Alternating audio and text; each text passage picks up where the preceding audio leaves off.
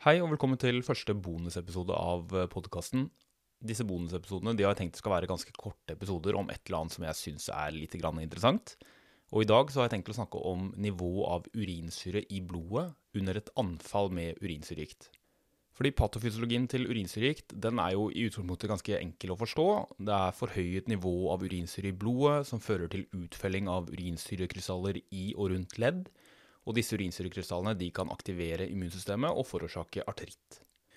Reumatologer definerer hyperurkemi som nivåer av urinsyre i blodet over 360 mikromol per liter.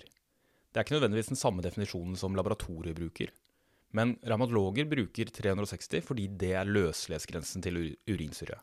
Og det betyr at nivået må være over 360 for at utfelling av sånne krystaller skal skje.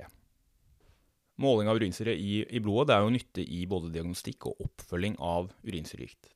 For det første så brukes det jo til å vurdere muligheten for urinsyregikt hos en pasient med nyoppstått artritt. Og hos pasienter med etablert diagnose så brukes urinsyrenivået i blodet til å styre doseringen av urinsyresenkende behandling. Under et anfall med urinsyregikt vil nivået av urinsyre i blodet falle. Og hos noen så vil nivået falle ned under 360 mikromol per liter. Dette fenomenet er viktig å kjenne til, sånn at man ikke feilaktig utelukker urinsyregiktdiagnosen på bakgrunn av fravær av hyperurikemi under anfallet. Årsaken til dette fallet under anfall er ikke helt fullstendig forstått. og En vanlig forklaringsmodell er jo at urinsyre i blodet finner veien inn i leddet ved anfall. Og Det er jo en appellerende tanke. det. Altså Inflammasjonen gjør jo at synoviale kapillærer er mer permeable. Og når vi mikroskoperer leddvæsken til pasienter med urinsyregiktanfall, så ser man jo flust av urinsyrekrystaller som lyser mot deg. Men jeg, jeg, kjøper ikke helt den forklaringen der. Fordi urinsyre som sirkulerer i blodet, det er jo ikke krystallisert. Det er i løselig form. Og det er over tid med hyperurikemi at sånn utfølging av krystaller eh, i og rundt ledd skjer. Og hvis vi bruker bildediagnostikk, sånn som ultralyd eller dual energy CT, så er det lett å se at personer med urinsyregikt har omfattende deponering av urinsyrekrystaller på overflaten av leddbrusken og andre steder rundt leddet. Og det er jo all grunn til å tro at det er disse deponerte krystallene som finner veien ut i leddvæsken under anfallet.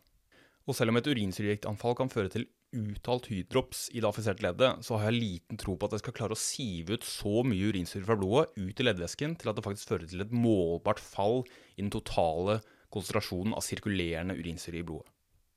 Jeg har på ingen måte fasiten på dette, her, men jeg har funnet en alternativ teori som jeg syns var litt interessant. og Den teorien den fant jeg i en 20 år gammel artikkel som heter The Inflammatory Process in Decreased Serum Uric Acid Concentration During Acute Gouty Arthritis, publisert av Urano og medarbeidere i The Journal of Rheumatology i 2002. De undersøkte 41 pasienter med urinsyregikt. 21 av disse ble undersøkt prospektivt med måling av nivåer av urinsyre i både blod og urin, både under og etter anfall. Som tidligere studier så fant de også at serumnivået av urinsyre faller under anfall. Og de så at dette fallet i serum var korrelert med økt renal utskillelse av urinsyre. Dvs. Si at nivået av urinsyre i urinen steg. Denne økte renale utskillelsen var korrelert med forhøyet CRP og kortisol. Ved urinsyregikttanfall vil jo aktiverte immunceller produsere store mengder av proinflammatoriske cytokiner, særlig interleukin 1-beta, men også interleukin 6. Og disse cytokinene de stimulerer akutt fasereaksjonen som fører til CRP-stigning.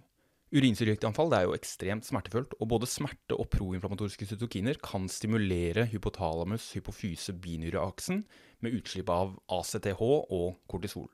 Forfatteren av denne artikkelen postulerer at proinflammatoriske cytokiner og kortisol har en urikosurisk effekt, og at økt renal utskillelse av urinsyre forklarer fallet i serumurinsyre under anfall.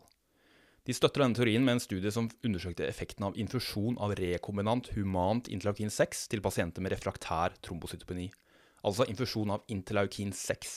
Ikke interleukin 6-hemmer, men interleukin 6. Og I denne studien så, så de at interleukin 6-infusjon førte til fall i serum urinsyre og økt renal urinsyreekskresjon. Og Urikosuriske effekter av ACTH og kortisol har også blitt beskrevet. Dette her, det er jo en liten studie, og det er på ingen måte sikkert at eh, de har rett. Men jeg heier på de som utfordrer eksisterende og lite tilfredsstillende forklaringsmodeller. Og akutt inflammasjon det virker jo å ha en rekke metabolske effekter. Og etter mitt syn så er inflammasjon og kortisolbetingede urikosuriske mekanismer mer overbevisende og tilfredsstillende forklaring enn at det skal være massiv utsiving av urinsyre fra blodet ut i et betent MTP1-ledd. Jeg vet ikke hva du tror. Hvis du har en annen forklaring, så vil jeg veldig gjerne høre om det. Jeg syns det er veldig gøy å prøve å forstå disse tingene som vi observerer i det daglige.